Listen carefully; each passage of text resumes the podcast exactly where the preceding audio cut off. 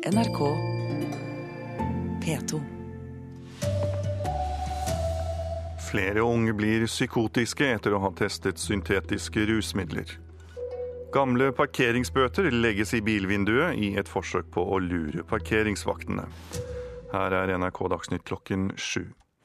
Antall ungdommer som blir psykotiske etter inntak av syntetiske rusmidler har økt betydelig de to siste årene. Ved akuttmedisinsk avdeling på Ullevål universitetssykehus i Oslo behandler de minst én ungdom i uken for rusutløst psykose. Professor ved avdelingen Dag Jacobsen forteller at mange av ungdommene har en skremmende oppførsel. Vi kan godt si at for et par år siden så var det én i måneden, og nå er det én i, i, uken. ikke sant? Eh, og så er det forskjell på, på, hvor aggressive de er. Altså De er så utagerende at personalet vårt er engstelige. Vi må bruke vektere og politi. Eh, og i enkelte tilfeller må vi rett og slett legge de kunstig koma og på pustemaskin. Rett og slett i påvente av at disse stoffene skal gå ut av kroppen. Og da snakker vi om ett til to, kanskje tre døgn, faktisk. Kinesiske myndigheter nekter storaksjonærer å selge aksjer i et forsøk på å stanse nedgangen på de kinesiske børsene. I dag åpnet Shanghai-børsen med et fall på 3,7% men etter halvannen times handel hadde børsen imidlertid hentet seg inn igjen og lå opp 2,2 fra i går. Også Hongkong-børsen løftet seg med en oppgang på 3,2% Kinesiske myndigheter har i flere omganger forsøkt å få slutt på de panikkaktige tilstandene i aksjemarkedet, hvor investorer selv selger store mengder aksjer. SV og KrF har den største andelen kandidater over 60 til høstens kommunevalg. Hos begge partiene er 38% av kandidatene over 60 år. Miljøpartiet De Grønne har lavest andel eldre, og samtidig høyest andel unge, dvs. Si kandidater under 30 år. 16% av partiets listekandidater har ennå ikke fylt 30.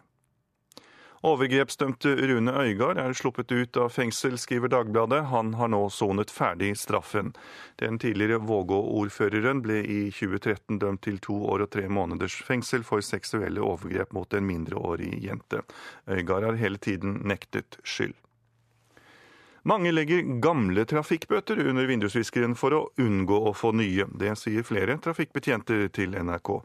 Trafikkbetjent Siv Bakka i Bergen har opplevd det mange ganger. Det vi merker her i Bergen, gjengangeriet, det er jo disse her som gjerne får seg et gebyr eller tilleggsavgift et sted, og så eh, flytter de bilen. Seinere når de kommer tilbake igjen, så parkerer de stort sett på samme plass, og så ligger de lappen på ruten. Hvor ofte ser du det her? Nei, det skjer hver uke. Reporter var Lene Granli. NRK Dagsnytt, Tor Albert Frøsland.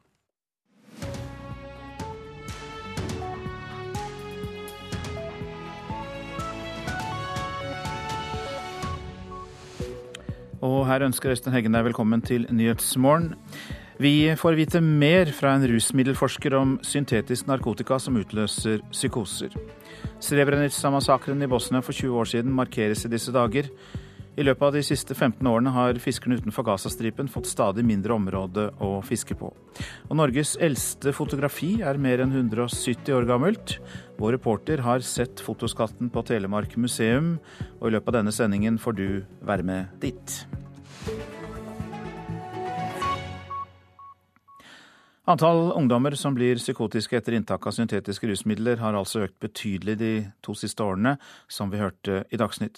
Ved akuttmedisinsk avdeling på Ullevål sykehus i Oslo behandler de minst én ungdom i uka for rusutløst psykose. Professor ved avdelingen Dag Jacobsen forteller at mange skaffer rusmidlene på internett. Det, det vanligste er jo at eh, man bestiller eh, eh, disse rusmidlene over internett. og og får de i form av pulver eller tabletter. Og så eh, vet man ikke helt hva de inneholder, og, og, og, og så blir man utagerende og psykotiske. Lyden av en respiratormaskin som gir pasienten oksygen mens hun ligger i koma. Ukentlig mottar akuttmedisinsk avdeling ved Ullevål sykehus unge pasienter med rusutløst psykose. Noen er så krakilske at det hender de må legges i kunstig koma, forteller professor og leder ved avdelingen Dag Jacobsen. De er så utagerende at personalet vårt er engstelige. Vi må bruke vektere og politi. Eh, og i enkelte tilfeller må vi rett og slett legge de i kunstig koma og på pustemaskin. Rett og slett i påvente av at disse stoffene skal gå ut av kroppen. Og da snakker vi om ett til to, kanskje tre døgn, faktisk. I og med at det er så mange tusenvis av stoffer, så er det jo veldig vanskelig å ha full kontroll. Og det sliter vi alle over hele verden med å ha full kontroll over eh, alle stoffer. Det sier Liliana Bax, spesialist i farmakologi ved Folkehelseinstituttet. Blant de mange tusen ulike syntetiske stoffene som finnes tilgjengelig på nett, er det særlig stoffer som ligner på cannabis og amfetamin som kan forårsake psykose, forteller Bax. De som da er kjent for å forårsake psykoser, det er de som faller inn i en gruppe cannabis-lignende stoffer, også det man kaller syntetiske cannabinoider. Og de som faller i en gruppe stimulerende eh, skråstrek hallusinogene, dvs. Si de som ligner på enten amfetamin eller ecstasy eller LSD. Ulike studier viser at folk ofte velger å handle syntetiske rusmidler på nett fordi det er mindre sjanse for å bli tatt. Akuttmedisinsk avdeling mottar henvendelser fra helsepersonell i hele landet om ungdommer som har ruset seg på syntetisk narkotika og de fleste er ikke tunge misbrukere, forteller Dag Jacobsen. Ja, kanskje litt mer eksperimenterende enn en, en A4, eh, men, men, altså absolutt eh, velfungerende ungdom ellers. De aller fleste, som vi får inn, i hvert fall. Ja. Og mange hentes jo av sjokkerte foreldre dagen etter, ikke sant. Reportere var Kristine Næss Larsen og Randi Midtskog. Med oss eh, på Skype Anne Line Bredtvill Jensen, forskningsleder i Statens institutt for rusmiddelforskning. God morgen. God morgen. Du skriver også bok om syntetisk eh, narkotika, og eh, vi hørte jo dramatiske beskrivelser her. Hvor farlig vil du si stoffene er?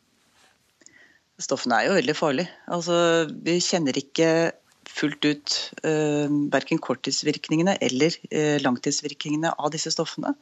Men alle rapporterte effekter av det tyder på at dette er absolutt veldig farlige stoffer. Og vi har jo hatt dødsfall også i Norge eh, på disse stoffene. Og kan man bli varig psykotisk?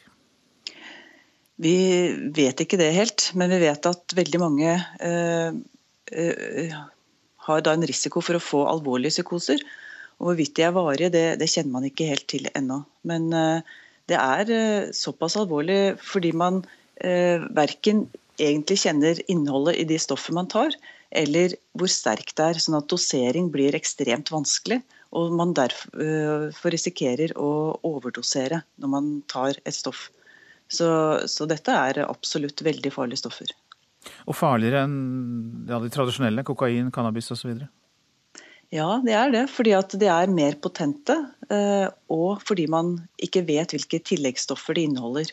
Så dette er ofte produsert på da ulovlige laboratorier rundt om i Europa. Også i Norge vet vi nå at det produseres enkelte av disse stoffene.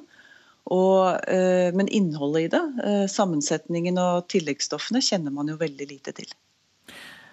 Når vi hører om eh, hvor farlig dette kan være, hvilke virkninger de har, så går jeg ut ifra at eh, mange ungdommer også vet det. Hvorfor velger de da å bruke disse stoffene likevel, tror du? Det er nok eh, det er, Vi har intervjua ungdommer og spurt om dette her. og De oppgir ulike grunner. Det ene er selvfølgelig at det også har en rusvirkning som de ønsker. Men de er jo billige. Eh, de er lett tilgjengelige. Kan, man kan bestille dem hjemme og få dem tilsendt uh, og hente dem i postkassa. Uh, de syns ikke på urinprøver i stor grad. Sånn at ønsker man å unngå å bli tatt sånn, så kan dette være et alternativ. Og, mange sier at anonymiteten internettet gir, også er en attraktiv egenskap ved disse stoffene. Men vi ser eh, i, blant brukerne selv er det en økt eh, oppmerksomhet også om farene ved det. Og mange rapporterer at nettopp fordi stoffene er så ustabile så, eh, og de overdoserer såpass ofte, så gir det ubehagelige effekter. Og, og den, denne vanskeligheten med dosering oppgir ungdommene sjøl også om at det er mer uh, uønska enn de kanskje trodde til å begynne med. Så er, vel, så er, det vel, også få som blir tatt for det, altså selgere, produsenter, brukere?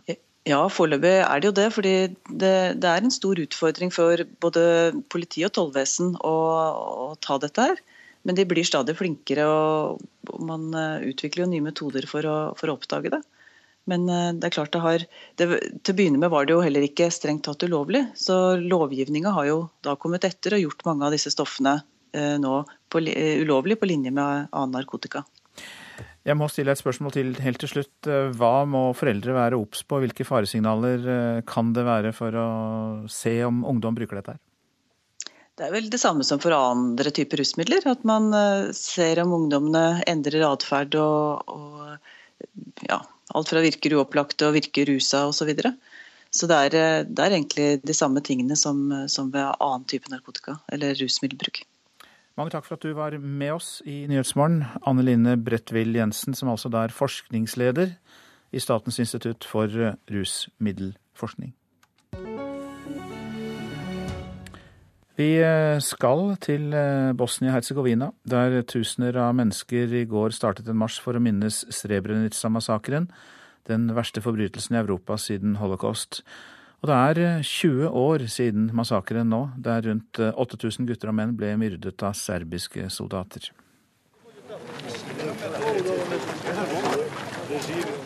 De skal vandre i tre døgn, og målet er den bosniske landsbyen Srebrenica. Der skal de markere 20-årsjubileet for en tragedie som rystet verden, og som forandret deres liv.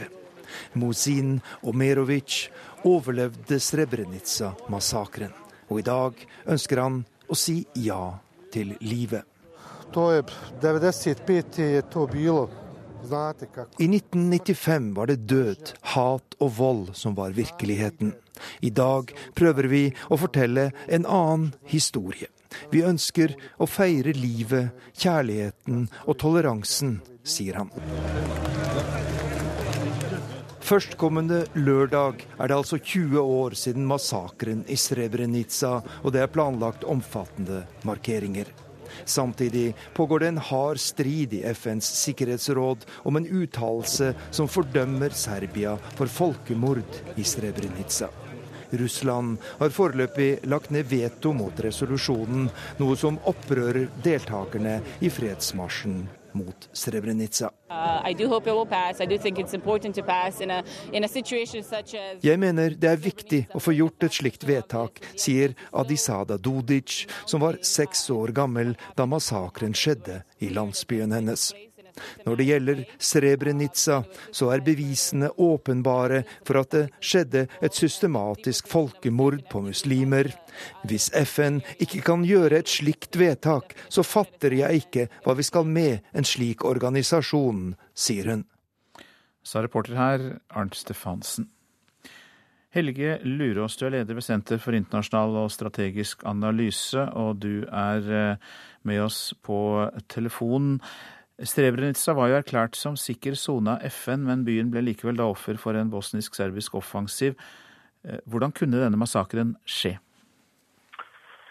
Altså, det var jo gått, eh, gått, ut i krigen i, eh, i Bosnia. Det hadde foregått mye overgrep. og Kampen fra serbisk side handlet jo i stor grad om å skape etnisk rene områder. Eh, og I den prosessen der så, så, var det da folk som på serbisk side som så det unnskyld uttrykket, men som hensiktsmessig å renske områdene for ikke-serbisk befolkning. og Det var det som skjedde i Srebrenica i 95. Og Du var jo selv i Tosla, eh, som ikke ligger så veldig langt unna, da flyktningene fra Srebrenica kom. Hvordan opplevde du det? Nei, det er klart For oss, eh, for oss fra Norge som ikke hadde opplevd krigen på, på, kroppen over så lang tid, så var det et sjokk å, å se kvinner og barn og, og unge menn og, og, og, gamle komme i den forfatningen de kom. Det, det, var jo små tegn i begynnelsen til hva som rent faktisk hadde skjedd, men det klarna jo etter hvert for oss hva som var, var skjebnen til de, den delen av befolkningen som var i våpenfør alder det er klart det var en, det var en tung tid også for oss. Mm.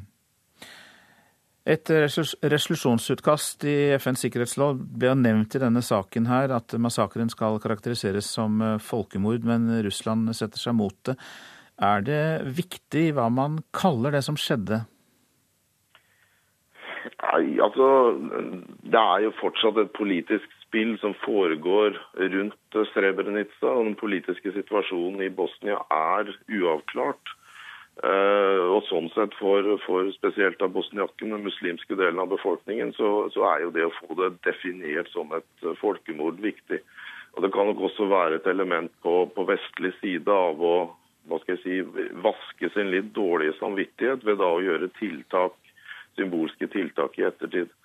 Eh, men eh, faktum er jo at mellom 7000 og 8000 mennesker ble massakrert, og det faktum står seg vel uavhengig av hvordan man rent faktisk definerer det juridisk. Nå skal jo da Serbias statsminister Aleksandar Vucic delta på 20-årsmarkeringen. Eh, hvordan vurderer du det? Det er, det er jo viktig at også serbiske representanter eh, deltar ved disse markeringene. Selv om for, for serbiske politikere fra Serbia så er det helt klart også belastende å, å stille opp, fordi Srebrenica er blitt et symbol for de som ønsker å fordømme serbisk politikk, og for så vidt også da serbisk nasjonalisme og historie.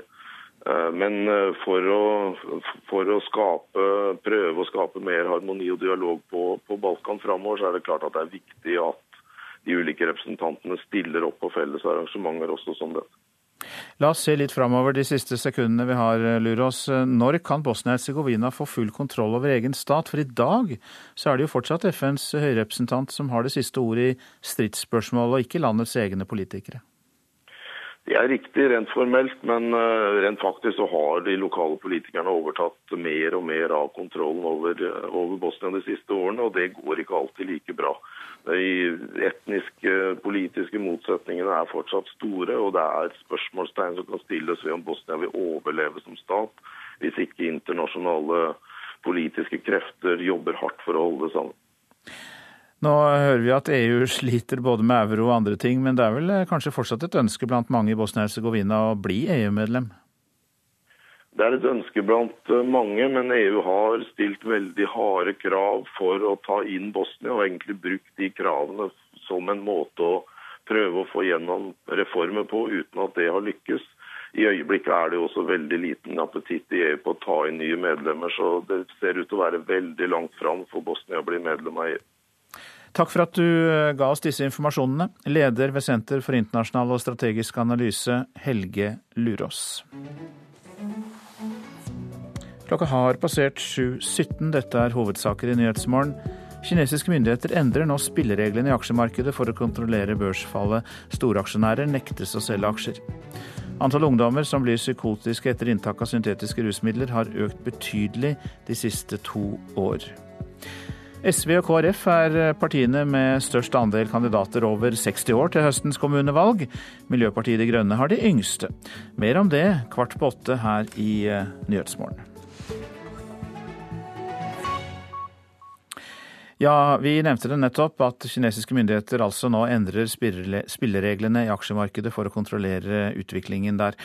Og verdien på de børsnoterte selskapene har jo falt kraftig den siste tiden, og aksjeeierne frykter kollaps.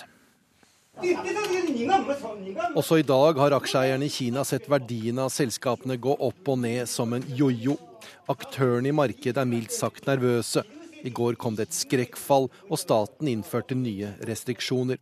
Eier du mer enn 5% av et selskap, har du nå ikke lov å selge en eneste aksje i det neste halve året. Problemet i markedet er at de store eierne selger etter at aksjen har gått litt opp, sier en småeier til Reuters. Neste problem er folk som spekulerer i at en aksje vil gå opp eller ned, uten at de selv eier aksjen, såkalte short-posisjoner. Begge disse to velkjente markedsmekanismene blir nå aktivt motarbeidet av myndighetene, men det er ikke klart hvor god effekt det har. Og det var Halvard Sandberg som orienterte der. I løpet av de siste 15 årene har fiskerne utenfor Gazastripen fått stadig mindre område å fiske på. Ifølge Oslo-avtalen skal Gaza ha en fiskerigrense på 20 nautiske mil, men Israels marine skyter mot fiskebåtene som nærmer seg 6 nautiske mil. Nå kan ikke fiskerne leve av fiske lenger, og 95% av dem er tvunget til å motta mat fra internasjonale hjelpeorganisasjoner. De får bare fiske nær land, så de må holde seg ganske nær stranden. Og hvis de går eh, utenfor den grensen, så blir de beskutt. Men faktisk også når de er innenfor den grensen, så blir de beskutt. Sier Torstein Dale, som leder Ships to Gaza i Norge. Farvannet innenfor fiskerigrensen fra Oslo-avtalen har ikke vært tilgjengelig på 15 år. I 1999 satte Israel grensen ned fra 20 nautiske mil til 12, og deretter til 6 nautiske mil. Verst var det i år 2012, da fiskerne bare fikk dra ut tre nautiske mil før den israelske marinen begynte å skyte mot dem. Nå kan fiskerne dra ut seks nautiske mil. Bortsett fra at de blir skutt på, er det også et annet problem. Fisken mangler. Ja, Den er utenfor den grensen som Israel har definert. Og det er jo et kjempeproblem. så Det betyr at det er bare sånne små småfisker som fiskerne får tatt opp. Og det betyr at eh, de kan ikke leve av det, så fiskefamiliene blir veldig fattige. Pluss at det fratar folk i Gaza en viktig næringskilde. Gazas økonomi ligger i ruiner etter åtte år med blokade og tre kriger. Bare for 15 år siden kunne 10 000 fiskere brødfø familiene sine med fiske. Ifølge FN er 3500 fiskere registrert i Gaza. Men nå er 95% av dem tvunget til å motta humanitærhjelp for å overleve. I mars ble den 34 år gamle fiskeren Taufik Abu Riala drept av den israelske marinen fordi hæren ville forhindre våpensmugling, som det ble hevdet. Tidligere har Israels forsvarsminister i Alon forklart at fiskerne i Gaza straffes fordi militante grupper skyter raketter altså en del av den kollektive straffen mot hele Gazas befolkning, som kontrolleres av Israels fiende Hamas. Jeg er sjømann selv, og jeg var også med i 2012 eh, som eh, matros, og nå som styrmann i 2015. Eh, I år var Herman Reksten med på sin andre Skips to Gaza-aksjon. Igjen forsøkte den norske sjømannen å bryte blokaden, denne gangen med fiskebåten Marianne, som var lastet med solcellepaneler og medisiner. Båten skulle gis til de hardt prøvede fiskerne i Gaza om den kom frem. Nei, Først og fremst for en solidaritet fra sjøfolk i Norge til sjøfolka der nede. Men som de tidligere flåtene ble også denne stanset av den israelske marinen. Styrmann Reksten ble arrestert, er nå sluppet fri fra israelsk fengsel og fremdeles opptatt av å hjelpe Gaza-fiskerne. Det er en situasjon vi ikke kan eh, sitte her hjemme og, og se på, for å gjøre det han kan. Reportasjen var laget av Sissel Wold. Avisene nå. Nå bremser alle bransjer, viser konjunkturbarometeret til Dagens Næringsliv. Oljesmellen sprer seg. Det avgjørende nå er pengebruken til nordmenn flest. For risikoen for ringvirkninger er større hvis folk flest også strammer inn, sier økonomer. Oljenæringen blør. 280 milliarder kroner er rent ut på ett år. Aftenposten skriver at verdien av aksjene i de ti største oljerelaterte selskapene på Oslo Børs er redusert med en tredel. Skal du drepe noen, ikke søk etter metode på Google, er oppslaget i VG. Enken etter Helge Ove Irgens på Sotra har innrømmet drap etter at politiet fant nærmere 250 søk på hvordan man kan drepe på eh, hennes datamaskin. Norske kommuner slår seg sammen uten å velge nytt kommunestyre. Det er ulovlig, sier jusprofessor Jan Fridtjof Bernt til Klassekampen. Dermed er den blå kommunereformen inne i en juridisk knipe, skriver avisa. Politiet fikk mer penger, men det ble færre politi i gatene, kan vi lese i Dagbladet.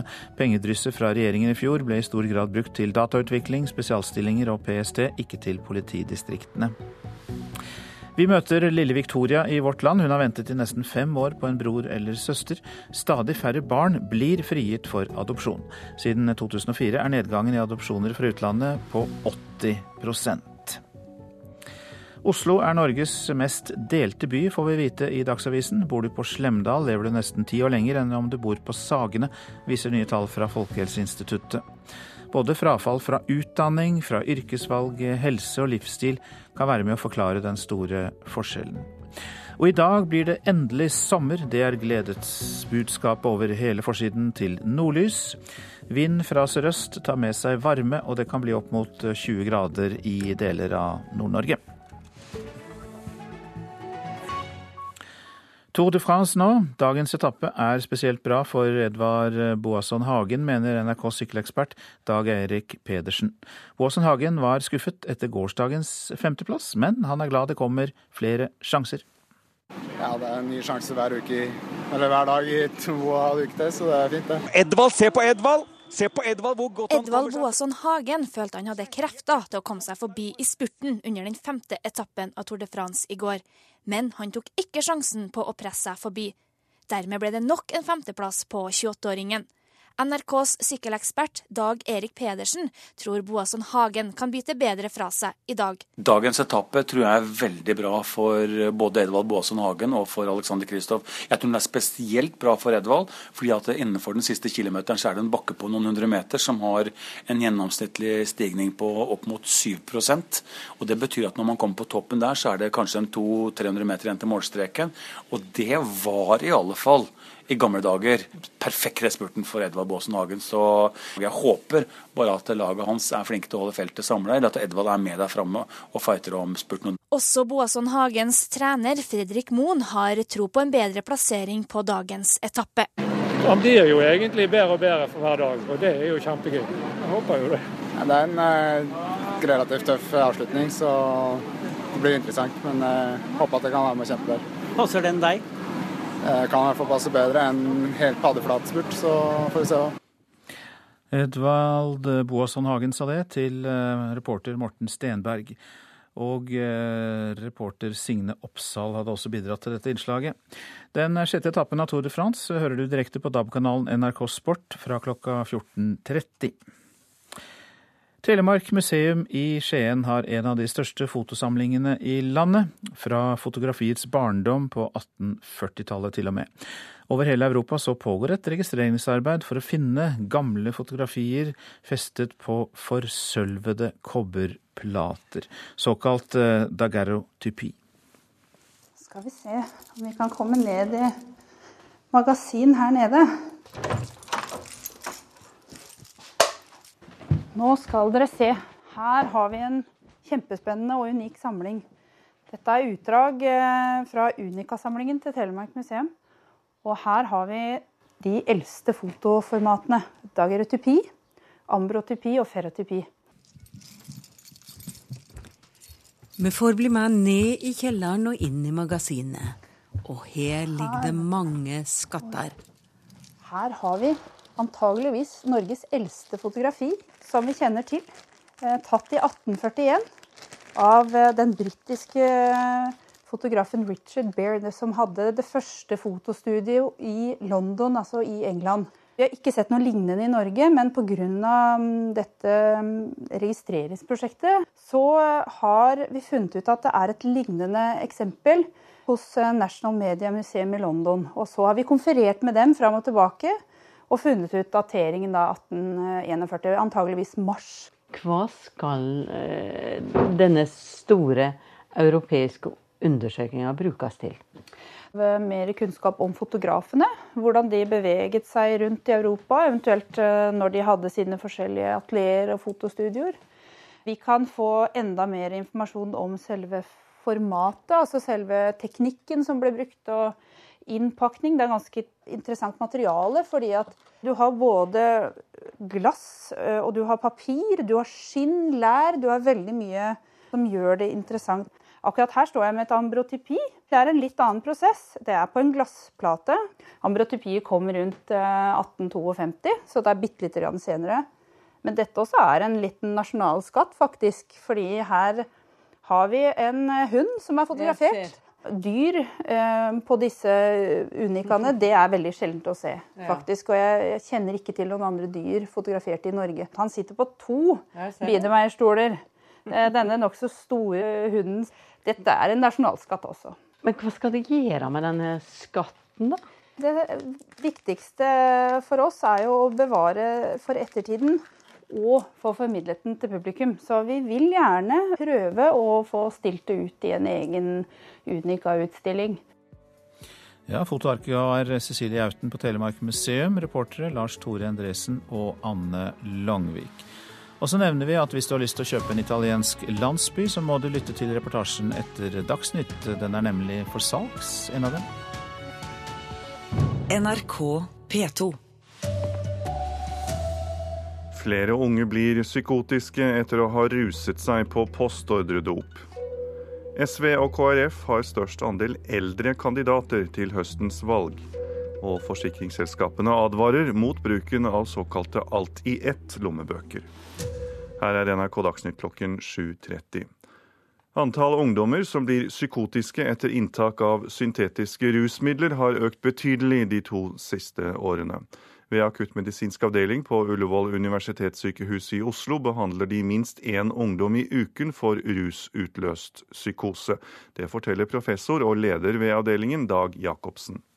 Denne utviklingen er jo noe vi har sett de siste par årene. Vi har én eh, ukentlig av disse utagerende pasientene. En pasient i koma puster gjennom respirator. Ukentlig mottar akuttmedisinsk avdeling ved Ullevål sykehus unge pasienter med rusutløst psykose. Noen er så krakilske at de må legges i kunstig koma, forteller professor ved avdelingen Dag Jacobsen. De er så utagerende at personalet vårt er engstelige. Vi må bruke vektere og politi. Eh, og i enkelte tilfeller må vi rett og slett legge de i kunstig koma og på pustemaskin. De syntetiske rusmidlene bestilles over internett, hvor utvalget er stort og det er liten sjanse for å bli tatt. Stoffer som ligner på cannabis og amfetamin kan forårsake psykose og i verste fall føre til død, forteller spesialist i farmakologi ved Folkehelseinstituttet, Liliana Bax. Ja, det har vært eh, dødsfall eh, meldt fra de fleste typer av de stoffene.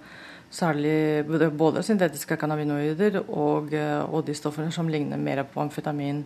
Akuttmedisinsk avdeling mottar henvendelser fra helsepersonell i hele landet om ungdommer som har ruset seg på syntetisk narkotika.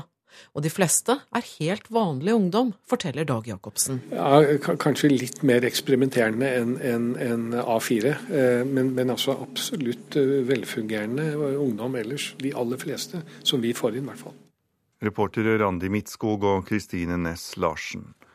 Kinesiske myndigheter endrer nå spillereglene i aksjemarkedet for å kontrollere utviklingen. Verdien på de børsnoterte selskapene har falt kraftig den siste tiden, og aksjonærene frykter kollaps.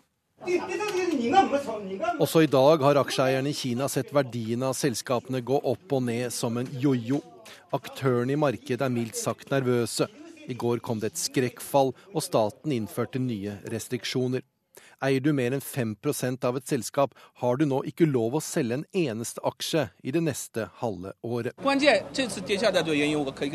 Problemet i markedet er at de store eierne selger etter at aksjen har gått litt opp, sier en småeier til Reuters. Neste problem er folk som spekulerer i at en aksje vil gå opp eller ned, uten at de selv eier aksjen, såkalte short-posisjoner. Begge disse to velkjente markedsmekanismene blir nå aktivt motarbeidet av myndighetene, men det er ikke klart hvor god effekt det har. Og så langt har børsen i Shanghai steget 5% etter at den åpnet. Reporter var Halvard Sandberg. I USA er det fortsatt ikke helt klart hva som var årsaken til at New York-børsen måtte stenge i nesten fire timer i går pga. datatrøbbel. De amerikanske børsene forbereder seg på nok en urolig børsdag i dag, med finansuroen i Kina og Hellas som bakteppe. Det ble ropt og skreket høyere enn vanlig på New York-børsen på Wall Street i går kveld.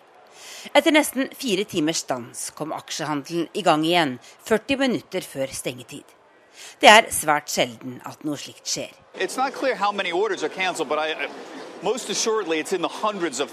Flere hundre tusen påbegynte aksjekjøp og salg måtte kanselleres da børsen stengte, forklarer TV-kanalen CNBCs reporter inne fra børsgulvet.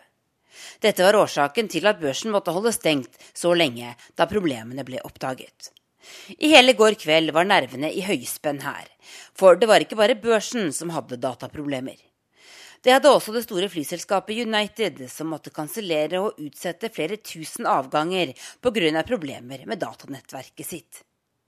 Statsråd for innenlands sikkerhet Jay Johnson avviser likevel at børsen og United ble utsatt for et hackerangrep. It appears from what we know at this stage that the malfunctions at United and the stock exchange were not the result of any nefarious Det er knyttet spenning til utviklingen på børsene her også i dag. Raset i Kina i går og uroen rundt Hellas førte til kraftig nedgang i går på teknologibørsen Nasdaq, der handelen gikk som normalt hele dagen. Tove Bjørgaas, Washington. Vi skal til Bosnia nå, der tusener av mennesker i går startet en marsj for å minnes Srebrenica-massakren, den verste forbrytelsen i Europa siden holocaust. Lørdag er det 20 år siden massakren, der rundt 8000 gutter og menn ble myrdet av serbiske soldater. De skal vandre i tre døgn, og målet er den bosniske landsbyen Srebrenica. Der skal de markere 20-årsjubileet for en tragedie som rystet verden, og som forandret deres liv. Førstkommende lørdag er det altså 20 år siden massakren i Srebrenica, og det er planlagt omfattende markeringer. Samtidig pågår det en hard strid i FNs sikkerhetsråd om en uttalelse som fordømmer Serbia for folkemord i Srebrenica. Russland har foreløpig lagt ned veto mot resolusjonen, noe som opprører deltakerne i fredsmarsjen mot Srebrenica. Jeg mener det er viktig å få gjort et slikt vedtak, sier Adisada Dudic, som var seks år gammel da massakren skjedde i landsbyen hennes. Hvis FN ikke kan gjøre et slikt vedtak, så fatter jeg ikke hva vi skal med en slik organisasjon, sier hun. Arnt Stefansen rapporterte. SV og KrF har den største andelen kandidater over 60 år til høstens kommunevalg, mens Miljøpartiet De Grønne har den laveste andel eldre. Men det har ikke vært særlig planlagt, sier 28 år gamle Lian Marie Noenberg, som er eh, Miljøpartiet De Grønnes første kandidat i Oslo. Jeg tror i stor grad at det har skjedd av seg selv. Men så har det seg sånn at ja, klima- og miljøsaken engasjerer veldig mange, og kanskje spesielt unge. Vi har også den yngste velgergruppen, og da er det naturlig at vi setter unge høyt på listene også. Med 16% av kandidatene sine under 30 år er Miljøpartiet De Grønne på sett og vis ungdomsalternativet ved årets kommunevalg. Neste på listen er Rødt, der 14% av kandidatene ennå ikke har fylt 30. I den andre enden av aldersskalaen finner vi Kristelig Folkeparti og SV. Hos begge partiene har 38% av kandidatene fylt minst 60. Nei, det er jo noen som har sagt det at tilslutningen til vårt parti øker med alder og visdom, så det kan jo ligge noe der. Sier Otto Strand, 65 år og førstekandidat for Vadsø KrF. Han er ikke spesielt bekymret for at KrF skal bli noe gamlisparti. Nei da, på ingen måte. For selv om han mener at det er viktig å få ungdommen inn i partiet, Ja da, visst er det det. mener han det også har sine fordeler å ikke være fullt så ung lenger. Jeg har jo vært med en, noen perioder på 80-tallet, og så var jeg borte fra politikken en stund, og så fikk jeg tilbakefall eh, på mine gamle dager. Så jeg har sittet to perioder nå da, og går på en, en tredje. Og jeg vil nok si for min del at jeg kanskje har mer å fare med nå enn da jeg var i 30-årene og var med i den forrige omgangen. Reportere Halvard Norum og Katrin Hellesnes. Forsikringsselskapene advarer mot bruken av alltid-ett-lommebøker, der du oppbevarer både mobil, penger og bankkort. Det blir som å servere tyvene våre personlige eiendeler på sølvfat, mener If skadeforsikring. Har den foran i lomma, vet du. Ja, Så det er ingen som får tatt den? Nei. Se da. Ja, men jeg kjenner den hele tida, da. Det forteller kameratene Ken og Arnt, som vi møter på brygga i Tønsberg. Ken sverger til en lommebok som rommer både mobil, kort og sedler, mens Arnt har lommebok og mobil hver for seg. Hvis han først mister det, så mister han jo enda mer. Så det virker jo helt tåpelig å ha alt samla på ett sted. Hva har du, da? Hver for seg. Da blir det stjålet, så er det iallfall bare én av delene. Han serverer jo alle sine kjære eiendeler og et sølvbrett. Det sier Emma Elisabeth Vennesland, assisterende informasjonsdirektør i Europeiske reiseforsikring. Det er jo både festivaltid og også veldig tid for å reise til utlandet. Og da gjelder det jo å være sin egen sikkerhetssjef og legge også litt hindringer i veien. Ikke gjøre seg selv så utsatt. Bare sånn hvis jeg skal ut og bare handle telefon, så har jeg kort over. Men du er ikke redd for at når du først blir stjålet, så blir liksom ganske mye borte? Både mobil og kort? Nei, det er bare å ringe og stenge det. Reporter var Anne Melsom Bjerke. Ansvarlig for Dagsnytt denne morgenen Gro Arneberg, teknisk ansvarlig Hanne Lunås, og her i studio Tor Albert Frøsland.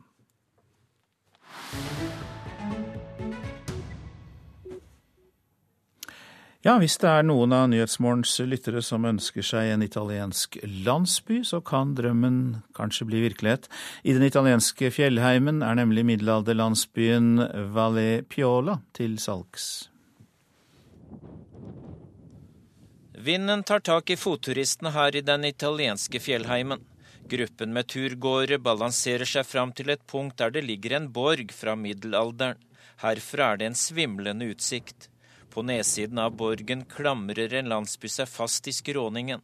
Dette er Valle Piola, som ligger i fjellkjeden Appenninene.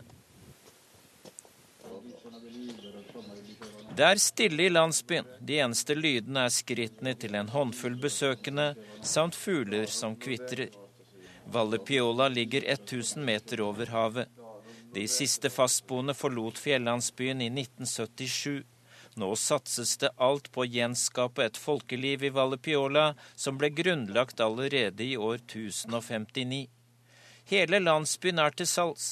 For deg som har drømt om å eie en egen landsby, kan drømmen bli virkelighet. borgo è in vendita per 550.000 euro. I costi di ristrutturazione diciamo che per Hele landsbyen er til salgs for 550 000 euro, eller ca. 4,5 millioner kroner. Han som viser vei til kirken, borgen og andre steinhus i landsbyen, er eiendomsmegler Fabio Pisi Vitagliano. På et fareskilt på en av steinbygningene står det 'Adgang forbudt, huset kan rase sammen'. Eiendomsmegleren, som har som oppgave å selge en hel landsby, sier de allerede har noen interessenter. Siamo stati contattati da vari potenziali investitori ognuno direi con la sua idea di recupero in funzione della propria expertise, quindi di quello che già facevano nella, nella loro vita. Quindi ci ha contattato chi era interessato a realizzare un albergo. Ja, og de vi har hatt kontakt med har svært ulike ideer for hva de vil gjøre. Noen ønsker å bruke landsbyen til hotellvirksomhet, sier Vitagliano til nyhetsbyrå Ap. Uh, siamo stati contattati da un gruppo di persone che pensava di realizzare un... e c'è un progetto di, di, di, la realizzazione di un ecovillaggio che, che, è già in piedi da parecchio tempo, che è stato lanciato, proposto da un, un potenziale investitore francese. Noen andre ønsker å bruke landsbyen som et rehabiliteringssenter for skadede idrettsutøvere. En fransk investor har vist interesse for å gjøre plassen om til en økologisk mønsterlandsby. Det siste forslaget passer godt inn i landsbyens historie. Folket som bodde i Valle Piola i gamle dager, levde stort sett av sauehold. For deg som kan tenke deg å kjøpe en hel landsby, er det muligheter. Men når prisen er såpass lav, er det selvfølgelig en hake ved kjøpet. Den består av at den nye eieren må forplikte seg til å renovere alle bygningene i Valle Piola. Det inkluderer borgen, kirken, de tolv steinhusene og de tre småbrukene.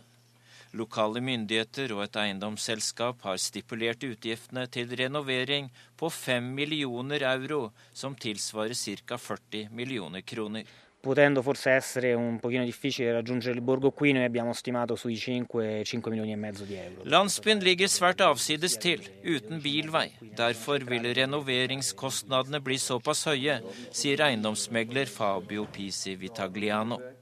I Italia er det i dag 186 folketomme og forlatte landsbyer.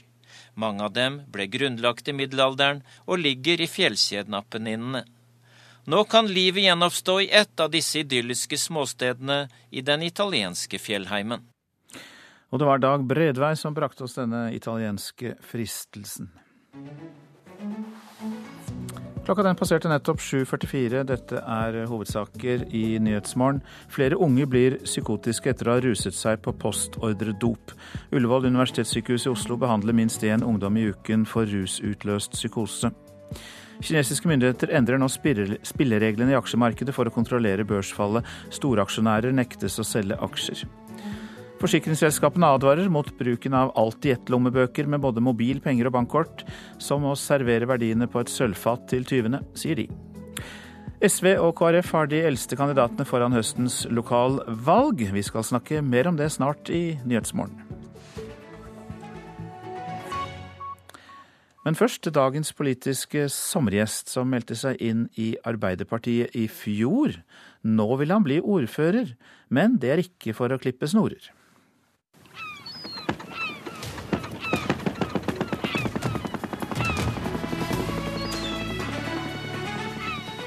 Politisk sommerintervju i Nyhetsmorgen. Jeg heter Jarle Årbakke. Jeg er 72 år. Og jeg er eh, ordførerkandidat for Arbeiderpartiet i Tromsø kommune ved valget høsten 2015.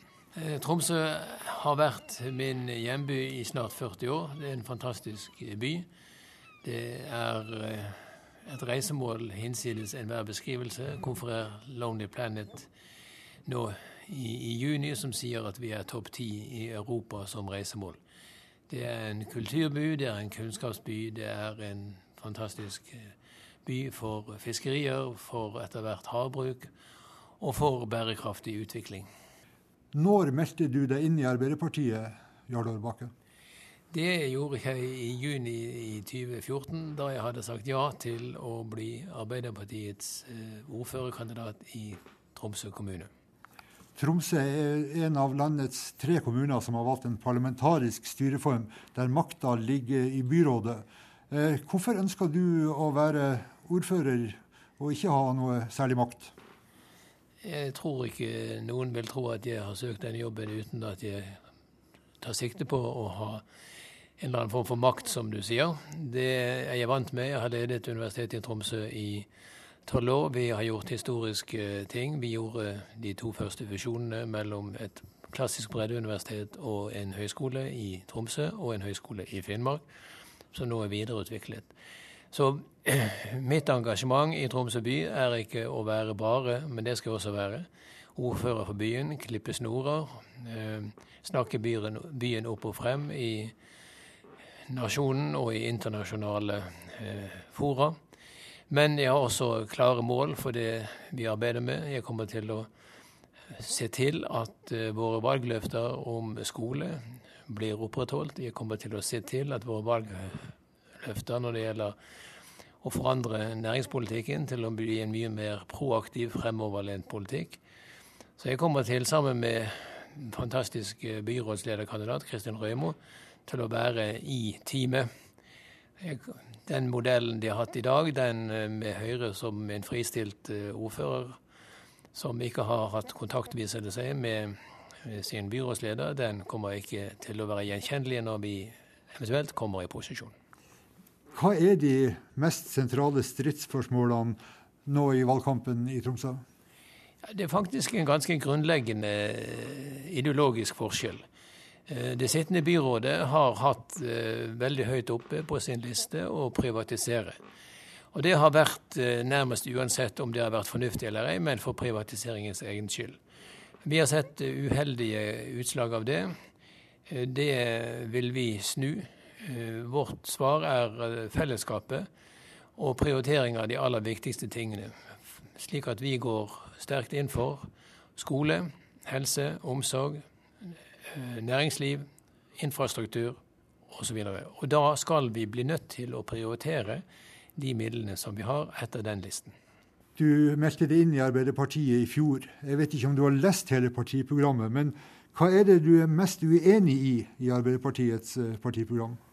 Altså Det partiprogrammet som vi går til valg på, det har jeg vært med i. Det, det begynte sånn at jeg ble spurt om, lenge før jeg ble medlem i partiet, Eh, våren 2014 så ble jeg spurt om å være med i programkomiteen som ble ledet av Kristin Røymo, som er da gruppeleder i Arbeiderpartiet i kommunen i dag, og som er vår byrådslederkandidat. Eh, slik at det programmet som vi går til valg på lokalt, det er jeg hjertelig enig i. Når det gjelder nasjonalt, så er det ting som jeg syns at partiet er litt for uh, treige med. Eh, det har jeg vært veldig tydelig på, bl.a. i landsmøtet. Jeg mener den modellen som vi har for lærerutdanning, som vi selv satte i gang for fem år siden, eh, den bør være landsdekkende. Og de modellene som vi har for en del andre ting, de bør være landsdekkende. Men eh, jeg står inne for hver setning som er i det lokale partiprogrammet, og det aller meste av Arbeiderpartiets politikk nasjonalt, det kan jeg til min store glede si at det stemmer med mine egne holdninger og verdier. Hvem er den beste ordføreren i Norge i dag? Ja, det er ikke godt å si, men det er helt klart at uh, de mest profilerte er jo tre Høyre-ordførere. Uh, vår egen Jens Johan Hjort uh, Stang i Oslo og Trude Drevland i Bergen. Og de, de gjør borgermesterjobben helt fantastisk. Og det gjorde jo også med Herman Friele i, i Bergen forut for det. Så de utmerker seg ved å ha en veldig fri stilling. De utmerker seg ved å ha synspunkter som etter mitt syn er egentlig kjerne sosialdemokratiske. Eh, men de tilfører da en annen fløy, og det gir eh, høyrepolitikken en legitimitet som den kanskje ikke helt fortjener. I Tromsø har man uh, hatt ordførere som har kommet fra andre deler av landet. Jeg tenker på Erlend Rian, uh, Arild Hausberg, som kom fra Vestlandet. Jens Johan Hjort, som er østlending. Og nå stiller du som vestlending som ordførerkandidat. Uh, og du kommer jo fra Bergen.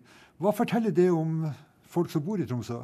Det forteller meg det jeg har visst nå i 40 år, at uh, Tromsø er en utrolig raus og inkluderende by. Man blir godt mottatt. Uh, og det, det har, kan jeg si med hånden på hjertet, det, det har jeg følt siden jeg kom hit som, som, ung mann. Og det føler jeg fortsatt. Her er det en, etter mitt syn en, en kjempegod utveksling, og det forteller at vi i Norge også, ikke minst i Tromsø, er har evnen til å se utover uh, om man skarer på æren eller ikke. Hvem vil du samarbeide med etter valget i Tromsø for at Arbeiderpartiet skal få lokal makt? Altså, de som har sagt at de støtter oss, eh, selv om de er uenig i parlamentarismemodellen, eh, det er jo SV og det er Rødt.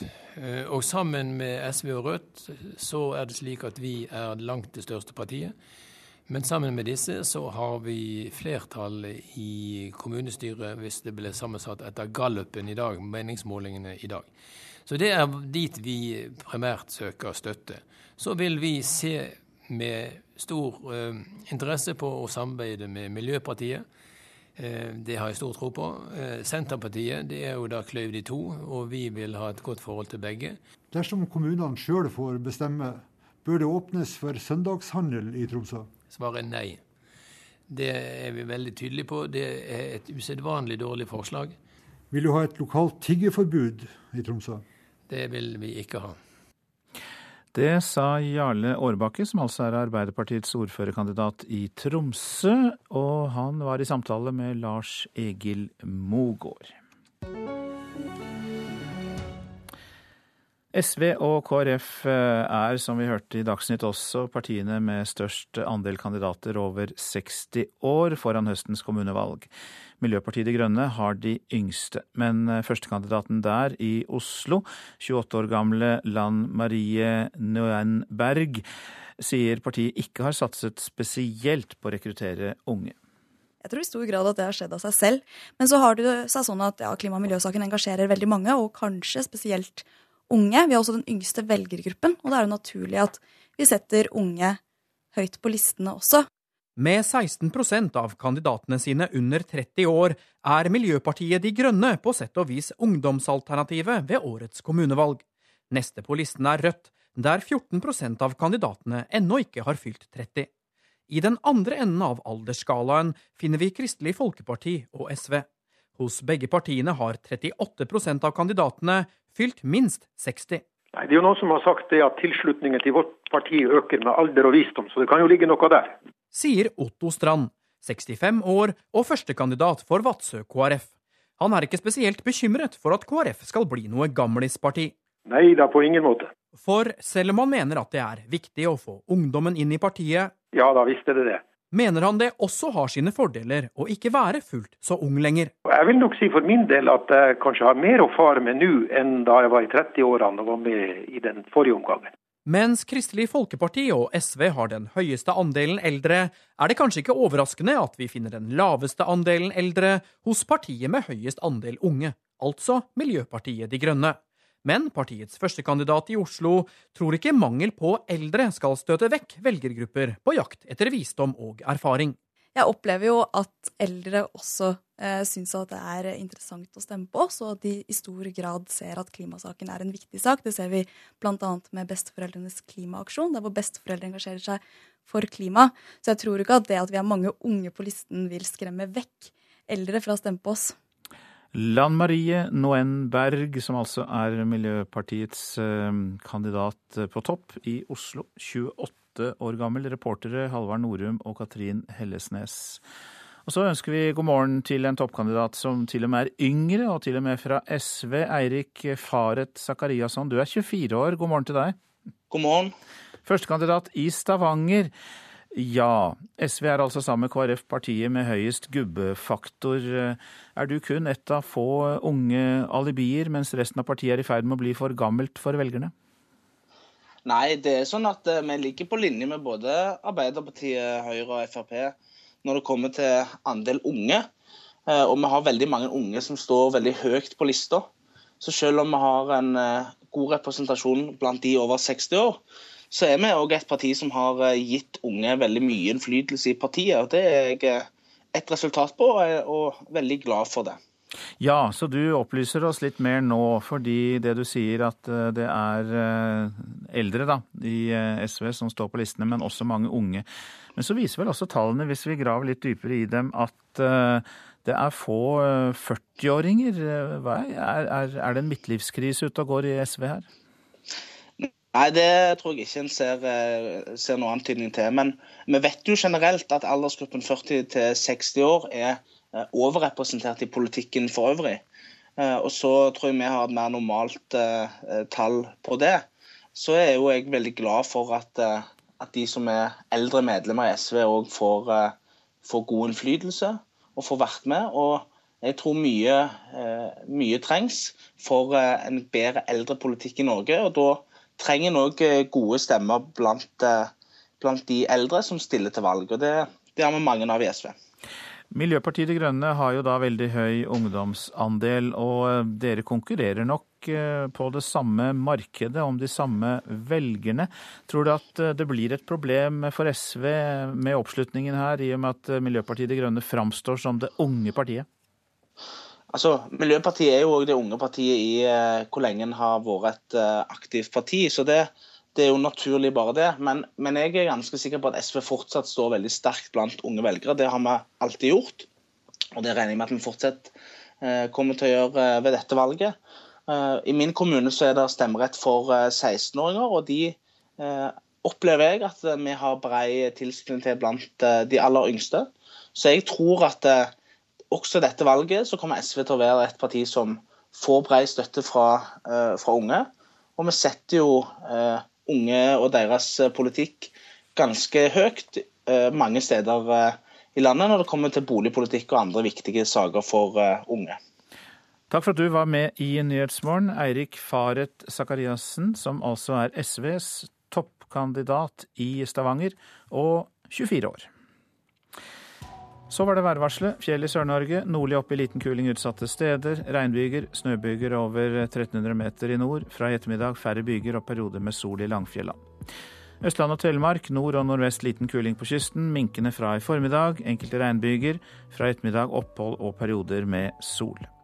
Agder nordvestlig liten kuling på kysten vest for Oksøy. Vest for Lindesnes periodevis sterk kuling. Regnbyger. Fra i formiddag stort sett opphold og lange perioder med sol. Rogaland og Hordaland nordlig stiv kuling på kysten, sterk kuling lengst i sør, enkelte regnbyger, men også perioder med sol. Sogn og Fjordane nordlig liten og til dels stiv kuling på kysten, fra i formiddag nordvestlig frisk bris. Liten kuling sør for Nordfjord. Enkelte regnbyger, perioder med sol. Møre og Romsdal og Sør-Trøndelag enkelte regnbyger, snøbyger i høyfjellet, gløtt av sol. Nord-Trøndelag enkelte regnbyger, perioder med sol. I kveld regn i indre strøk, nedbør som snø i høyfjellet. Nordland litt regn av og til, i nord periode med sol. Troms mye pent vær, men kan hende enkelte ettermiddagsbyger i indre strøk. Mot kvelden nordøstlig liten kuling på kysten. Finnmark vest i fylket østlig liten kuling utsatte steder. Stort sett pent vær, men i øst og nord tilskyende oppholdsvær og tåke. Og Nordensjøland på Spitsbergen stort sett pent vær. Og så henger vi på noen temperaturer på tampen fra klokka sju. Svalbard lufthavn åtte, Kirkenes tolv, Varde ni, Alta 13, Tromsø 14, Bodø 10, Brønnøysund og Trondheim 9, Molde 10, Bergen 11, Stavanger 10, Kristiansand, Kjevik 13, Gardermoen 11, Lillehammer 10, Røros 4 og Oslo-Blindern 11 grader. Og vi fortsetter etter Dagsnytt eh, klokka åtte her i Nyhetsmorgen. Produsent i dag Marte Halsør, her i studio Øystein Heggen.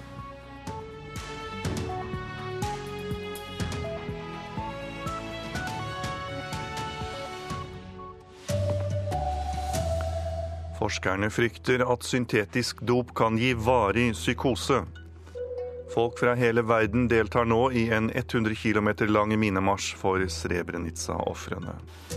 Her er NRK Dagsnytt klokken åtte. Antall ungdommer som blir psykotiske etter inntak av syntetiske rusmidler har økt betydelig de siste to årene. Ved akuttmedisinsk avdeling på Ullevål universitetssykehus i Oslo behandler de minst én ungdom i uken for rusutløst psykose. Og forskerne frykter at psykosene i verste fall kan bli varige. Det sier forskningsleder ved Statens institutt for rusmiddelforskning, Anne Line Bretteville Jensen. Vi vet ikke det helt, men vi vet at veldig mange Eh, har da en risiko for å få alvorlige psykoser. Og Hvorvidt de er varige, det, det, kjenner man ikke helt til ennå. Men uh, det er uh, såpass alvorlig fordi man verken egentlig kjenner innholdet i de stoffene man tar, eller hvor sterkt det er. Sånn at dosering blir ekstremt vanskelig. Og man derfor risikerer å overdosere når man tar et stoff. Så, så dette er absolutt veldig farlige stoffer. Over fire millioner syrere har nå flyktet til utlandet, det viser de siste tallene fra FN. På under ett år har antall flyktninger steget med over én million, og i tillegg er det nær åtte millioner internt fordrevne. Det betyr at godt over halvparten av landets befolkning har blitt flyktninger i løpet av konflikten. FNs høykommissær for flyktninger sier dette er den største flyktningbefolkningen fra én en enkelt konflikt på én generasjon. Det er 20 år siden Srebrenica-massakren, der rundt 8000 gutter og menn ble myrdet av serbiske soldater. Det skjedde selv om byen var erklært som sikker sone av FN. Leder ved Senter for internasjonal og strategisk analyse, Helge Lurås, var i området på den tiden. Nei, det er klart For oss, eh, for oss fra Norge som ikke hadde opplevd krigen på, på, kroppen over så lang tid, så var det et sjokk å, å se kvinner og barn og, og unge menn og, og, og, og, gamle komme i den forfatningen de kom. og det, det, var jo små tegn i begynnelsen til hva som rent faktisk hadde skjedd, og, men det klarna jo etter hvert for oss hva som var, så var skjebnen til de, den delen av befolkningen som var i våpen før alt. Så det er klart det var en, det var en tung tid også for oss. I Hellas vil minibankene gå tomme på mandag. Det melder landets bankmyndigheter. De greske bankene er stengt, og befolkningen får bare lov å ta ut 60 euro om dagen i minibanker. Det er akutt mangel på euro i den greske økonomien pga. gjeldskrisen. Regjeringen i landet må innen midnatt i dag levere kreditorene et konkret forslag til løsning. NRK Dagsnytt, Tor Albert Frøsland. Nyhetsmorgen fortsetter med disse sakene. Ungdommer blir psykotiske etter å ha ruset seg på postordredop. Riddu Riddu-festivalen i Kåfjord i Troms åpner i dag, men barnefestivalen der er allerede i gang. Vi får rapport. Fire år etter at Sør-Sudan ble en uavhengig nasjon, er landet preget av krig, overgrep og sult. Og eneste filmpremiere denne uken er australsk. Bør vi stikke innom kinoen for å se den? Vi har invitert vår filmanmelder hit.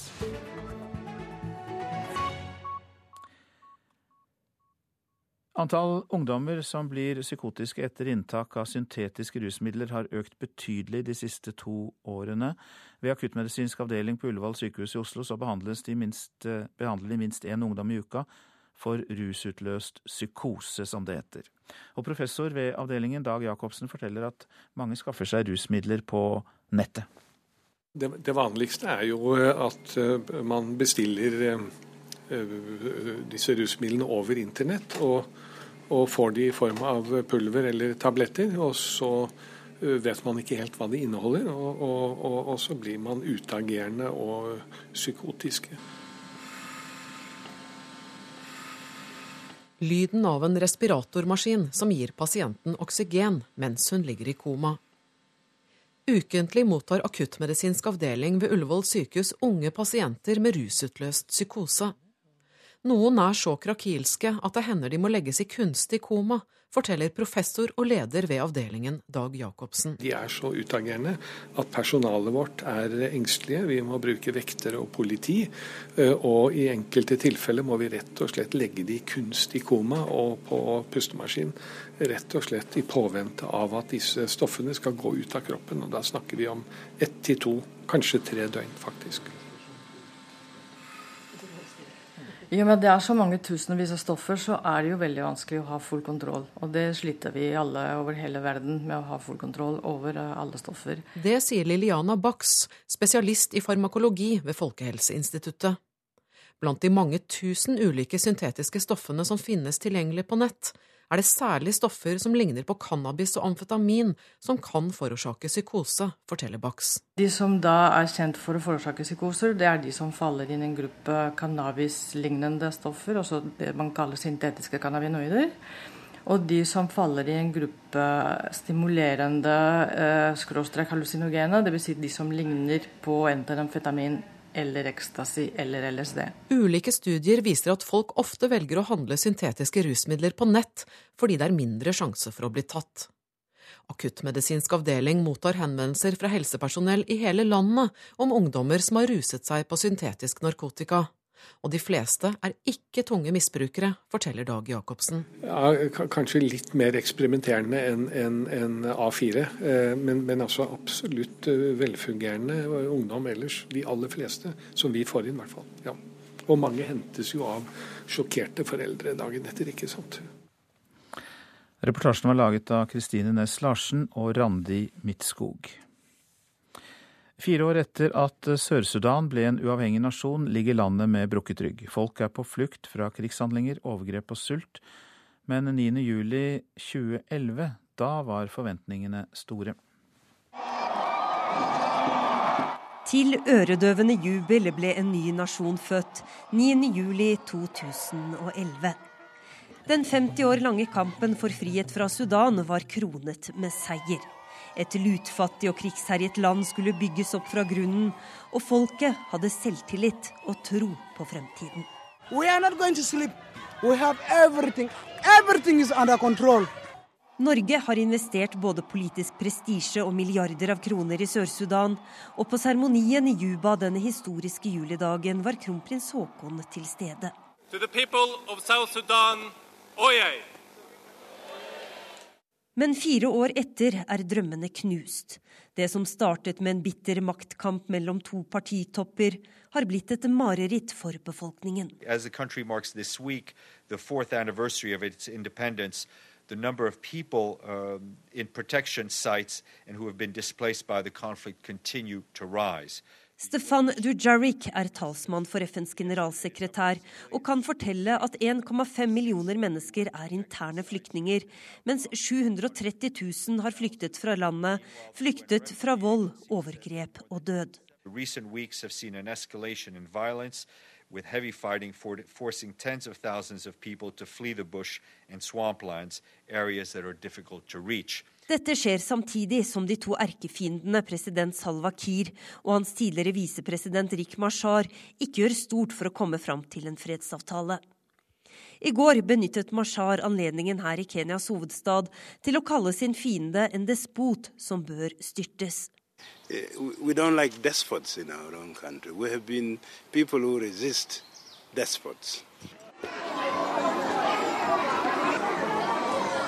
I en transittleir i nabolandet Etiopia sitter kvinner og barn tett i tett. Det ryker fra grytene.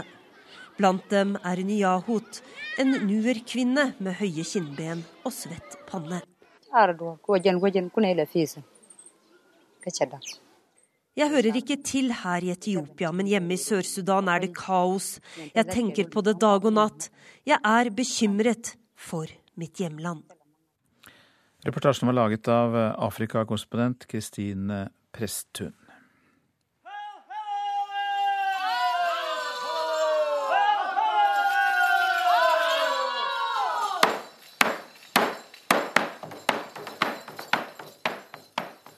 Her har vi noen inntrykk fra barnas del av urfolkfestivalen Riddu Riddu. De tjuvstartet i går. Den offisielle åpningen av festivalen i Kåfjord i Nord-Troms skjer i dag.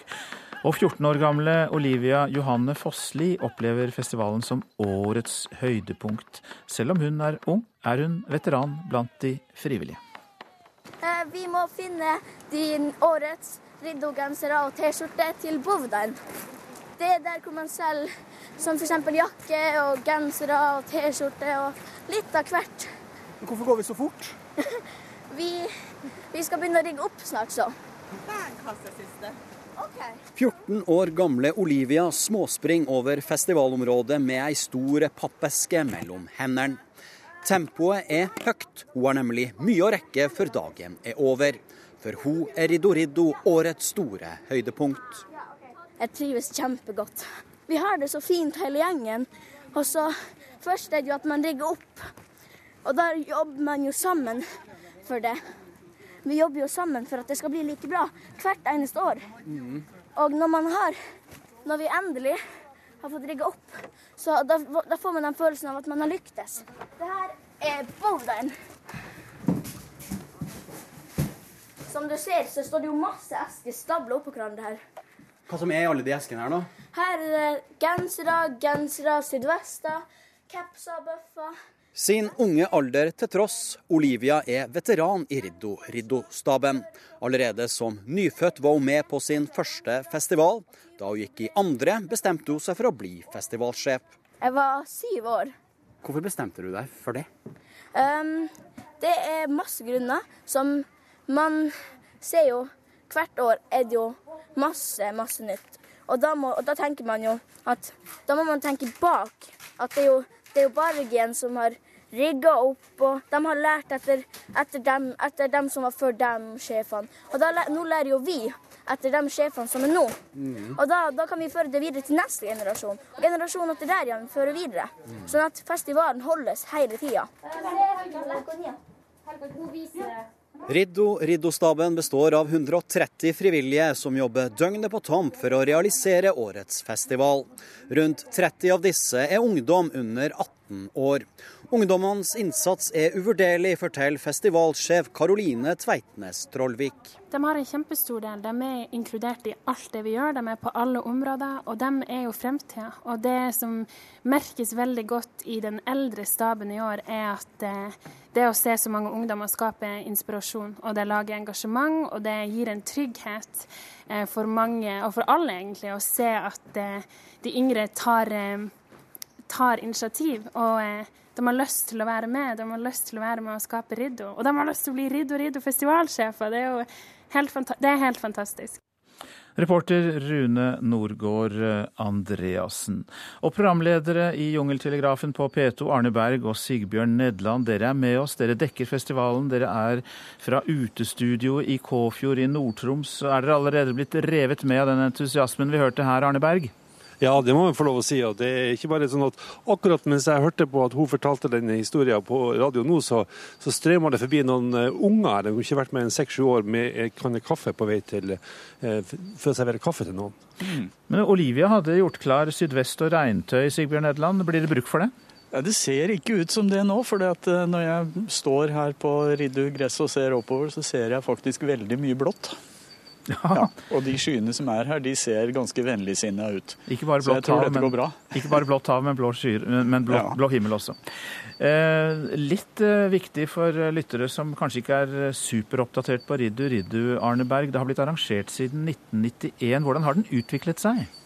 Fra å være en liten uh, hagefest nærmest for uh, noen uh, unge sjø, sjøsamiske ungdommer her i Kåfjorden som hadde behov for å finne sin egen identitet, så har de bygd det ut til å bli en stor festival som in involverer urfolk fra hele verden. Og i dag så er det jo tusenvis av mennesker her og artister fra tre kontinenter. Så det er jo det blitt et stort og en stor viktig institusjon i, i det samiske folk, rett og slett.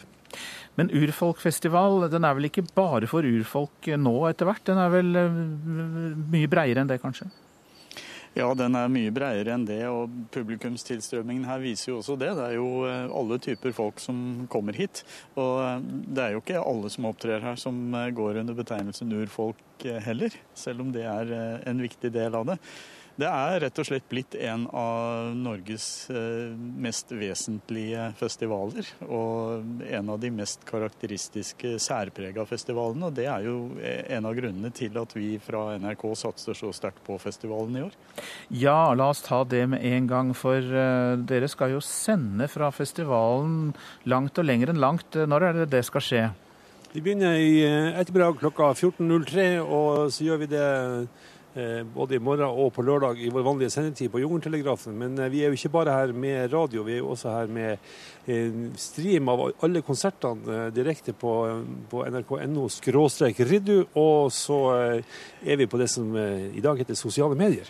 Ja, vi har et såkalt livesenter som legger ut uh, saker og som uh, gir dere glimt fra festivalen hvis man vil uh, følge med på både på Facebook og på Instagram og på Twitter og på litt av hvert. Og vi har jo da altså denne streamen som går hele tida. kan man gå inn og se et lite oversiktsbilde over hva som skjer på festivalområdet, og så får man etter hvert begivenheter og konserter på denne streamen. Og så må vi jo også si at det er ikke bare vi i Jungeltelegrafen som sender radio herfra heller. Det gjør jo både NRK Troms og Sami Radio også.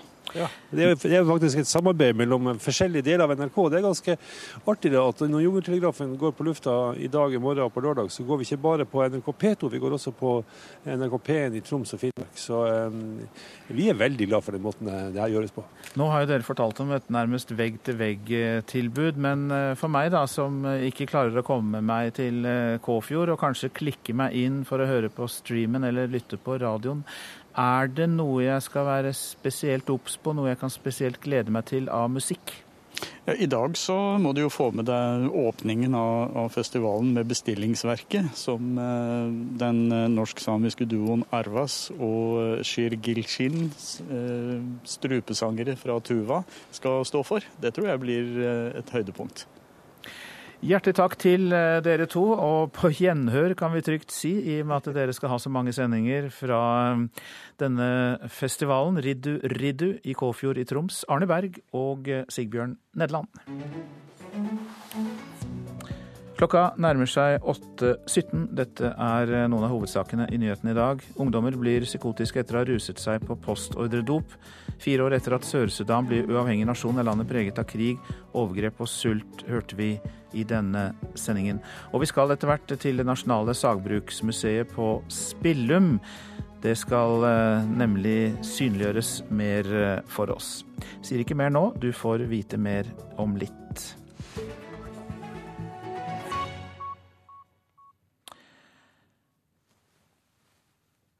What about the doctor? She say anything? Yeah, she said that it might help if I orgasm during sex.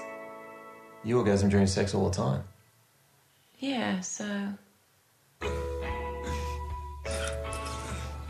want to tell you something. Promise me you won't judge me. I just thought that we could take things to the next level. Like a fantasy? It's something I've always wanted to try. Oh, we are so on the same page. It's a fantasy of mine. I don't really want to. I'll try anything.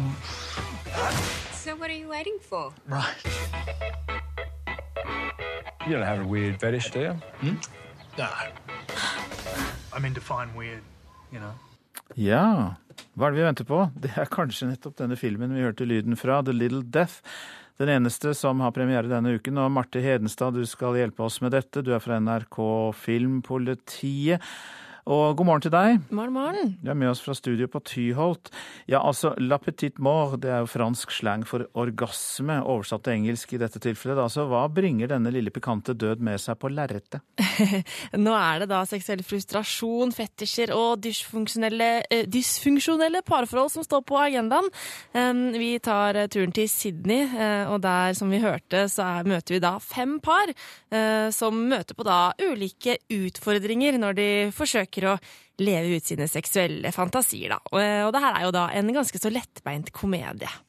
Ja, sexkomedie med snert og hjertevarm beskrivelse av forstadslivet i Sydney. Er da vaskeseddelen distributøren har klistret på dette produktet? Er du enig?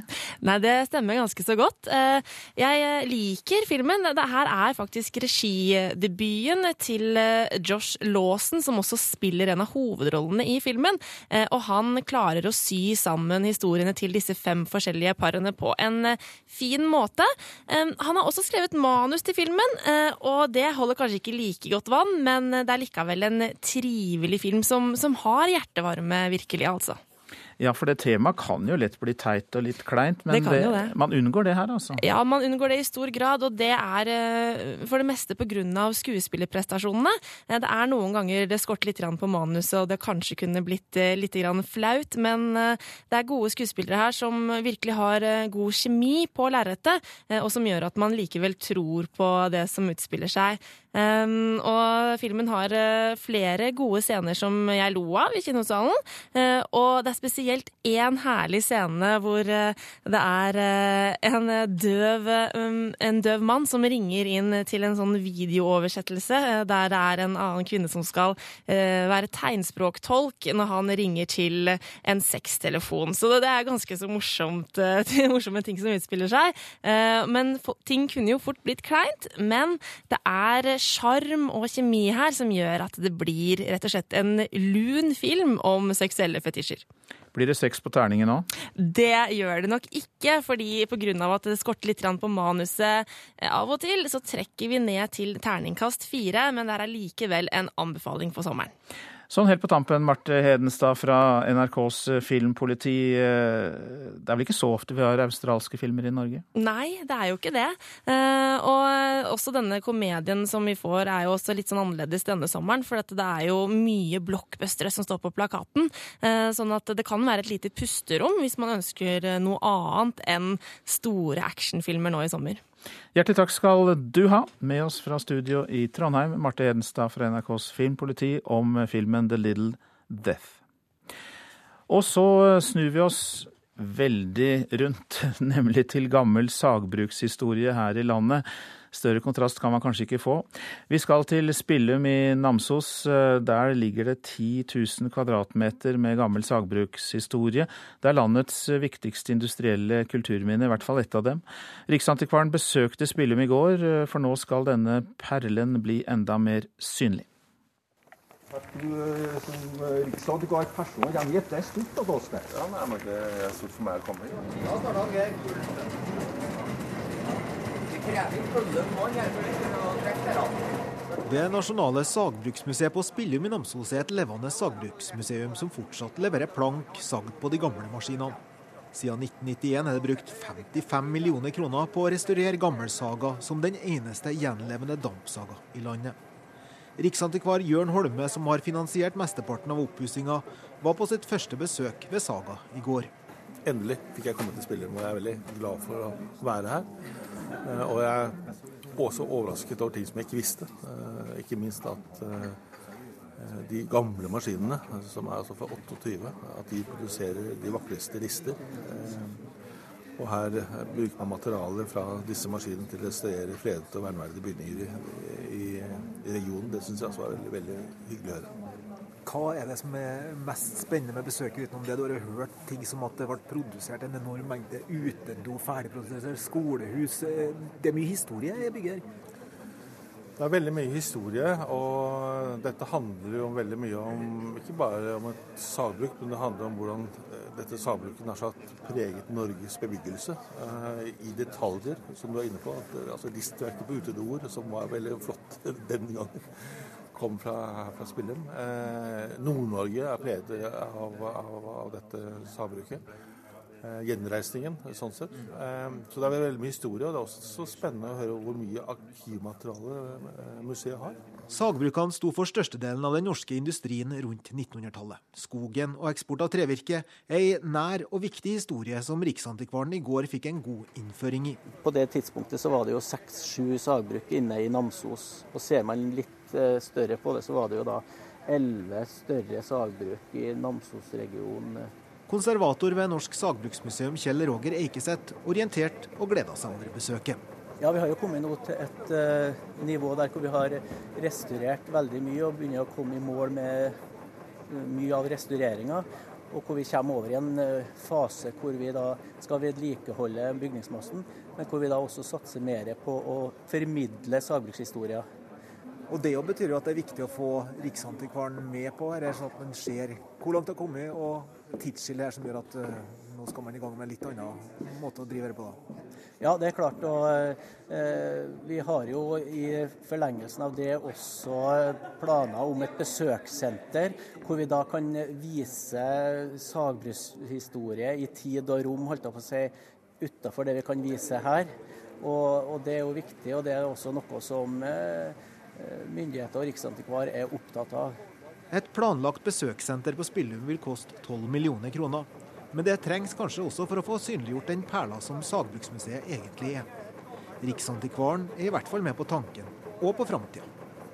Ja, altså når vi har investert 40 millioner, så, så altså, fra statens side så sier det at dette er et viktig annen informasjonshistorie. Dette er det sentrale sagbruksmuseet vi har i Norge. Eh, sånn sett. Så, og vi skal være med videre. Det lovet riksantikvar Jørn Holme til reporter Kjartan Trana. Så til det avisene har på sin eh, dagsorden i dag. Nå bremser alle bransjer, viser konjunkturbarometeret til Dagens Næringsliv. Oljesmellen sprer seg. Det avgjørende nå er pengebruken til nordmenn flest, for eh, risikoen for ringvirkninger er større hvis folk flest også strammer inn, sier økonomer. Oljenæringen blør. 280 milliarder kroner er rent ut på ett år. Aftenposten skriver at verdien av aksjene i de ti største oljerelaterte selskapene på Oslo Børs er redusert med en tredel. Skal du drepe noen, ikke søk etter metode på Google, er oppslaget i VG. Enken etter Helge Ove Irgens fra Sotra har innrømmet drap etter at politiet fant nærmere 250 søk på hvordan man kan drepe noen på hennes datamaskin. Norske kommuner slår seg sammen uten å velge nytt kommunestyre. Det er ulovlig, sier jusprofessor Jan Fridtjof Bernt til Klassekampen. Dermed er den blå kommunereformen inne i en juridisk knipe, skriver avisa. Politiet fikk mer penger, men det blir færre politi i gatene, kan vi lese i Dagbladet. Pengedrysset fra regjeringen i fjor ble i stor grad brukt til datautvikling, spesialstillinger og PST, ikke til politidistriktene. Jernbaneverket vil parkere tog på dyrka mark, er oppslaget i Nasjonen. Det trengs 13 nye parkeringsplasser for tog på Østlandet innen 2040, og det kommer til å kreve plass. Vi møter Victoria i Vårt Land. Hun har ventet i nesten fem år på en bror eller søster. Stadig færre barn blir frigitt for adopsjon. Siden 2004 er nedgangen i adopsjoner fra utlandet på 8% og Victorias adoptivforeldre Ann Kristin og Kenneth Martinsen står fortsatt på venteliste. Anne Bogsnes krever skikkelige bøter fra bedrifter etter arbeidsulykker, skriver Bergensavisen. Hun mistet mannen sin da han ble påkjørt under tunnelbygging. Arbeidstilsynet mente sikkerheten var for dårlig, men to år etter er erstatningssaken fortsatt ikke kommet opp for retten. Oslo er Norges mest delte by, får vi vite i Dagsavisen. Bor du på Slemdal, lever du nesten ti år lenger enn om du bor på Sagene, viser nye tall fra Folkehelseinstituttet. Både frafall fra utdanning, yrkesvalg, helse og livsstil kan være med å forklare denne store forskjellen. Og i dag blir det endelig sommer, er gledesbudskapet i nordlys. Vind fra sørøst tar med seg varme, og det kan bli opp mot 20 eh, grader i Nord-Norge. Magnus Carlsen nå, for han legger om forberedelsene foran sin kommende turnering i USA. 24-åringen har jo slitt med å komme over fadesen under Norway Chess, og trenger nå en revansje. Jeg er plaget av. Det er en ubehagelig opplevelse å spille mye dårligere enn det du vet du kan. Så Magnus er veldig tøff mot seg selv når det gjelder å ikke få til det beste han kan. Forteller manager Espen Agdestein og legger liten skjul på at kollapsen som frustrerte Magnus Carlsen har sittet godt i de siste ukene. Men hans største sportslige nedtur vil Agdestein nødig kalle det. Det sitter jo selvfølgelig litt i. Man skal være forsiktig med å dra det ut av proporsjoner. Han har jo vært veldig god veldig lenge. og et dårlig turnering. Det er ikke urimelig at man får det. Men det er klart, nå blir det viktig å få noen eh, gode opplevelser og spille bra i neste turnering. Så Det er noe eh, som man selvfølgelig føler litt ekstra på etter en sånn, etter en sånn turnering. Ekstra viktig nå. I slutten av august venter ny turnering for Carlsen, da i USA.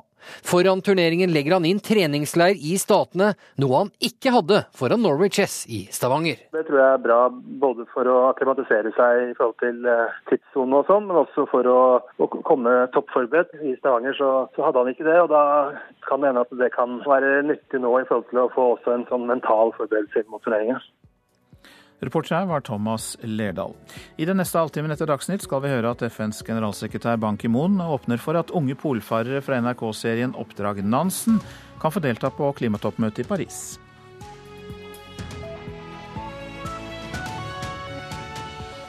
Hør flere podkaster på nrk.no podkast.